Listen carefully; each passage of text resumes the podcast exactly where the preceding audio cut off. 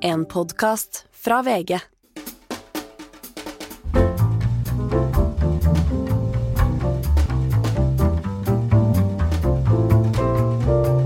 Hei, her får du høre min samtale med Anine Kierulf, en av Norges fremste eksperter på menneskerettigheter. Vi snakker selvfølgelig om Fosen og alt som har skjedd denne uken, men også om Høyesteretts rolle, rettsstat. Og vi syns begge to egentlig at juss er ganske gøy, særlig når vi kan diskutere og snakke om det i lys av hele samfunnet og politikken. Så her, vær så god. Vi må snakke litt om EØS også. Ja. Er det en husmannskontrakt? Hvor bundet er vi egentlig?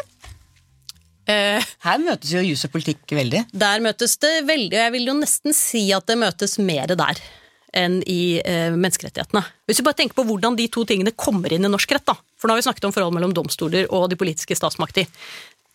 All menneskerettighetsjussen, etter menneskerettighetsloven iallfall, den kommer jo inn via domstolene. Det fremstår mer illegitimt for oss. Hvordan kommer EØS-retten inn? Den kommer jo inn via politikerne. Men ikke sånn at våre byråkrater sitter i våre departementer og skriver våre forarbeider som går til Stortinget og får et stempel på seg. Nei, nei. Det sitter noen andre demokrater nede, nede i Brussel og skriver noen forarbeider som så sendes til Stortinget og får et stempel på seg. Det er jo kanskje enda mer illegitimt på en måte, men, men det har iallfall et demokratisk godkjent stempel på seg, så derfor eh, tenker vi kanskje mindre på det. Det er én forklaring på at den EØS-retten kanskje er mindre kontroversiell, men også måten EU-spørsmålet har vært diskutert, eller ikke kan diskuteres, Dessverre. i norsk rett. Nei, i norsk politikk, i norsk offentlighet. Det er jo et kjempeproblem. ikke Ja. sant? Og det er så komplekst, det er så stort. Hvis vi først åpner den boksen her, så kommer vi ikke videre. Så det bare, det orker vi ikke. Og jeg skulle så ønske at vi hadde åpna den boksen. Ja, jeg er helt enig med deg. Og jeg syns jo må, altså, EØS-avtalen har, det viser jo mm, alle utregninger av folk som kan sånt, øh, har jo tjent Norge ufattelig godt. Eh, holdt jeg på å si, I forhold til en sånn kost-nytte-betraktning, så har den Det er bare gull og grønne skoger, men et demokratisk underskudd. Veldig. Ja. Eh, Og det er jo bedre enn ikke noe, for vi trenger den. Vi kunne aldri sagt den opp nå, det hadde vært veldig veldig feil. Men det er en husmannskontrakt, og vi hadde vært så mye bedre tjent med rett og slett å blitt medlem. Det en det, er hvert, det, det ligger jo en sånn latent uh, uærlighet som jeg jo Eller uærlighet er jo ikke riktig, da, for det, det er jo for så vidt vedtatt, men det etterlatte inntrykk for dem som er skeptisk til ting som kommer fra EU, det er jo at vi egentlig stemte nei, og så lurte politikerne oss inn i noe EØS-greier likevel. Og det er jo ikke noe heldig etterlatt inntrykk i det hele tatt, og kanskje særlig i en tid hvor politikerforakten er, eh, om ikke på fremmarsj, iallfall så får man inntrykk av det på, på grunn av måten sosiale medier virker på, ja. De nye offentlighetene overbeviser oss om at eh, verden er på vei ad undas i alle retninger. Jeg husker jeg reiste jo mye med Gro Harlem Brundtland som var statsminister da, når hun holdt på med hele EØS-avtalen. Det var kjempespennende. og møtte Jacques Delors, og det var liksom Dette skulle være reserveløsningen. Ja, Og det ble jo det. Det ble jo Ja, og som sagt, en som liksom har tjent oss vanvittig godt på mange måter, men, men allikevel fremstår som veldig udemokratisk, da. Eh, og ikke mer enn at den blir jo si, rekonfirmert av alle storting hele tiden. Så den er, egentlig så er jo de to mest demokratisk forankrede institusjonene vi har, det må jo egentlig være EØS-avtalen og monarkiet. For er det én ting som alltid ligger inne i når man skal vurdere stortings, eh, nei, grunnlovsvedtak, så er det jo eh, republikk. Ja. Vi vil ha republikk. Det blir stemt ned hver gang. Det er jo sånn negativ bekreftelse at vi ønsker oss monarki hele tiden. Ja, det er valg, valg hvert fjerde år Ja. på monarkiet. Ja. Eh, vi har snakket om at Norge har blitt felt for å bryte menneskerettigheter i, når det gjelder barnevern, eh, varetekt eh, osv., osv., og, så videre, og da er vi egentlig over på Fosen. Det som Ja. har skjedd denne uka. ja. Det vi har diskutert mye på Gjever og gjengen, vår andre podkast her, det er altså Har det noen rettslige implikasjoner å si unnskyld? Det tok jo fryktelig lang tid før regjeringen kom og sa unnskyld.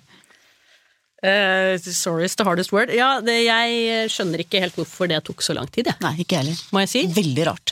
Jeg har tenkt mye på det. Vi har jo, jeg jobber jo i den Norges institusjon for menneskerettigheter, og, og det er jo en slags, eh, et forsøk på en sånn brobygger. Eh, og vi har jo ekspertise på menneskerettighetsspørsmål, og eh, ja, vi skal jo være en slags vaktbikkje. Vi har tenkt at det er lurere å være en slags gjeterhund. Istedenfor bare å stå og gneldre på alt som er gærent, så kan vi prøve å rettlede folk underveis. Eh, Det har vi også gjort eh, i denne saken her, eh, og var tidlig ute med å prøve å forklare denne SP, altså sivile politiske rettigheter, konvensjonens artikkel 27, og, og hvordan vi tolket dommen som et menneskerettighetsbrudd, et pågående menneskerettighetsbrudd, som utløste en reparasjonsplikt som man da har, hvis man har brutt menneskerettighetene. Og hva ligger, i, hva ligger i en reparasjonsplikt? Ja, det betyr egentlig at du er nødt til å rette opp det, som har, det du har gjort inni en stat, som gjør at du på en eller annen måte har brutt en menneskerettighet. Var du overraska over den dommen? Mange var overraska over at det her eh, Høyesterett gikk inn og stadfesta urfolks rettigheter. Ja, jeg er ikke så tett på, på, denne bestemmelsen at jeg egentlig hadde noen veldig klar formening om det i forkant. Eh, og selve tolkningen av bestemmelsen var jeg ikke så overrasket over. Den tror jeg ikke egentlig er så overraskende heller. Så det som er, i tilfelle er overraskende, er jo subsumsjonen, som det heter på juss. Nemlig ok, vi har en regel, eh, men hva er faktum? Passer det faktumet inn under denne regelen her? Eh, og det, uh, det syns ikke jeg det var så lett å ta stilling til, for jeg kan ikke så mye om reindrift. Jeg har lært mye gjennom den dommen, men også gjennom eh, flere sånne Vi hadde sånn, noe som heter Menneskerettigheter i hagen, som er sånn vår opplysningskanal, som vi hadde med blant andre sametingspresidenten. Og jeg skjønte mer av hva det er som gjør at det er vanskelig å drive reindrift i kombinasjon med den type vindmøller på vinterbeite. Um, jeg var nok mer overrasket over eh, hvor, hvordan det ikke ble fulgt opp i etterkant. Jeg vet ikke hva slags eh, betraktninger som har vært gjort før konsesjonen ble gitt, underveis, men det er jo helt klart at denne bestemmelsen har vært påberopt hele veien. Så hvilke juridiske råd man har fått, hvem man har valgt å lytte til, eh, jeg vet ikke, men det viste seg å være feil. Og det er greit, man kan av og til ta en sjanse, og så viser det seg å være feil. At man da ikke ganske umiddelbart beklager og rydder opp, det forstår jeg ikke. Nei, Det skjønner ikke jeg heller. Og heller at de ikke vil erkjenne at det var brudd. Det står i høyesterettsdommen. Og så vrir Terje Aasland, eh, oljeministeren, seg som en meitemark i alle konfrontasjoner, alle debattstudioer, til de da etter en uke kommer og sier ja, unnskyld, da. Og det er menneskerettighetsbrudd. Ok, da. Det er riktig som Høyesterett sa, da. Jeg, jeg, satt jo med ham i Dagsnytt 18 dagen før eh, han innrømmet at det var et menneskerettighetsbrudd. Da ville han ikke innrømme at det var et menneskerettighetsbrudd. Altså det, ja, tilbake til hva som fremmer eh, tillit, så er jeg ikke sikker på om dette er et godt ledd i det. Ser du noen løsning her, eller?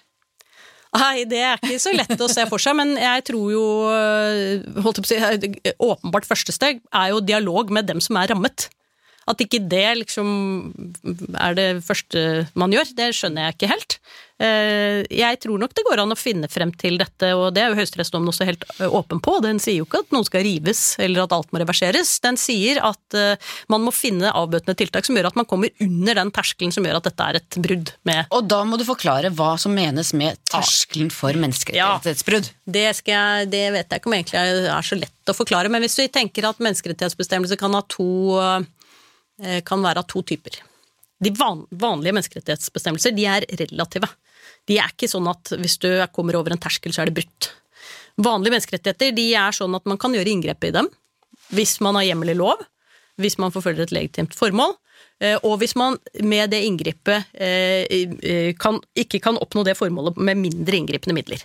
Ikke sant? Så en vanlig sånn avveining, hvis du ser for deg fru Justitia med bind for øynene og de der to Ulike hensyn mot hverandre. Ulike hensyn mot hverandre, og de hensynene som er på den ene vektskålen, de kan være offentlige hensyn på den ene og en menneskerettighet på den andre, eller de kan være en menneskerettighet på hver vektskål. Så de må veies mot hverandre. Noen er sånne terskelbestemmelser, sånn som denne her. En annen terskelbestemmelse det er eh, retten til ikke å bli torturert eller utsatt for nedverdigende behandling. Hvis du først blir det, hvis du først er over terskelen for det som er tortur Kan aldri fikses. Det kan iallfall aldri um, berettiges med hensyn til offentligheten. Typisk sånn eh, moralfilosofiske sånn Hvis jeg torturerer han litt, så kan jeg kanskje stoppe et bombeangrep der, ikke sant? Nei, det kan vi ikke. Vi bruker ikke tortur. Uh, og dette var ikke meningen å sammenligne dette, denne SP artikkel 27 med tortur, men den er en type terskelbestemmelse nettopp fordi at hvis du først Altså, den sier at hvis du nekter uh, kulturutøvelse, hvis det er en nektelse, en stopp liksom for den mulighet til kulturutøvelse, så så kan du ikke kompensere det med å betale erstatning, f.eks. For, eksempel. for hvis du kunne gjøre det, så ville uh, pengemakta egentlig alltid gjøre at urfolksrettigheter måtte vike. For du vil alltid kunne finne situasjoner sånn som her, hvor veldig mange flere ut fra en kost-nytte-betraktning av borgerne har nytte av det inngrepet man har lyst til å gjøre. Strømregninger i Trøndelag, ikke sant? For eksempel. Eh, men hvis man skulle ha avveining på denne type bestemmelser, så ville det effektivt egentlig utradere urfolksvernet. Eller vernet for, for kulturutøvelsene. Så det betyr at hvis du kommer til et punkt hvor du faktisk kommer så høyt opp på en terskel eller trapp eller hva du vil, mm. at, at, du har brutt de rettighetene, mm. da har du brutt dem. Ferdig snakka. Da må du gjøre et eller annet for å, for å komme under terskelen. Bruddet, komme ja. under terskelen. Og da kunne man tenke seg det man kunne gjøre for å komme under terskelen. Sånn, ok, de trenger mat, de der reinsdyrene, for de får ikke mat når det, de der vindmøllene står oppå de rabbene hvor de så kommer de ikke ned til den reinslaven de vil ha, liksom. Ja, vi kan tenke oss at vi vinterfòrer, da. Vi samler dem, og så gir vi dem fòr der isteden. Det har lagmannsretten vurdert.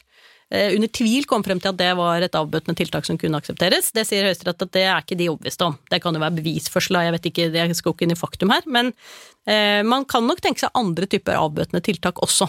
Jeg vet ikke hva. Uh, Ultveit Moe var på Dagsnytt 18 og snakket om at man kunne slå dem av om vinteren. Jeg vet ikke om det er tilstrekkelig, men uh, la oss tenke, åpne opp denne boksen og tenke litt kreativt, da. Og Det er jo det Aasland og disse nå prøver. Det er helt åpenbart at han prøver å finne det handlingsrommet. Prøver å finne Ja. de tiltakene som gjør at de turbinene kan stå. For Det det har jo også stor samfunnsnytte. Det er jo litt pussig å bruke 500 dager på å prøve å, tenke på hva man Eller bygge, jeg vet ikke hva. De sier at de har gjort noe fra dagen, og det er jeg helt sikker på de har. Kanskje. Det hadde vært interessant å se hva. Det skal vi prøve å finne ut. Ja. Det syns jeg er veldig spennende å prøve å finne ut. Nå har du hørt en smakebit av min samtale med Anine Kierulf. Hele episoden kan du høre på Podme eller VG+. God helg.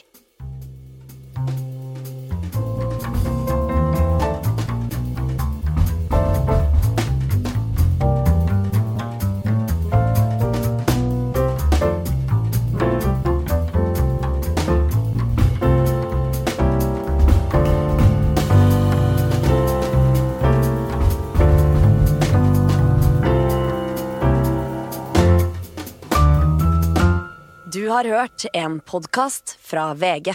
Ansvarlig redaktør, Gard Steiro.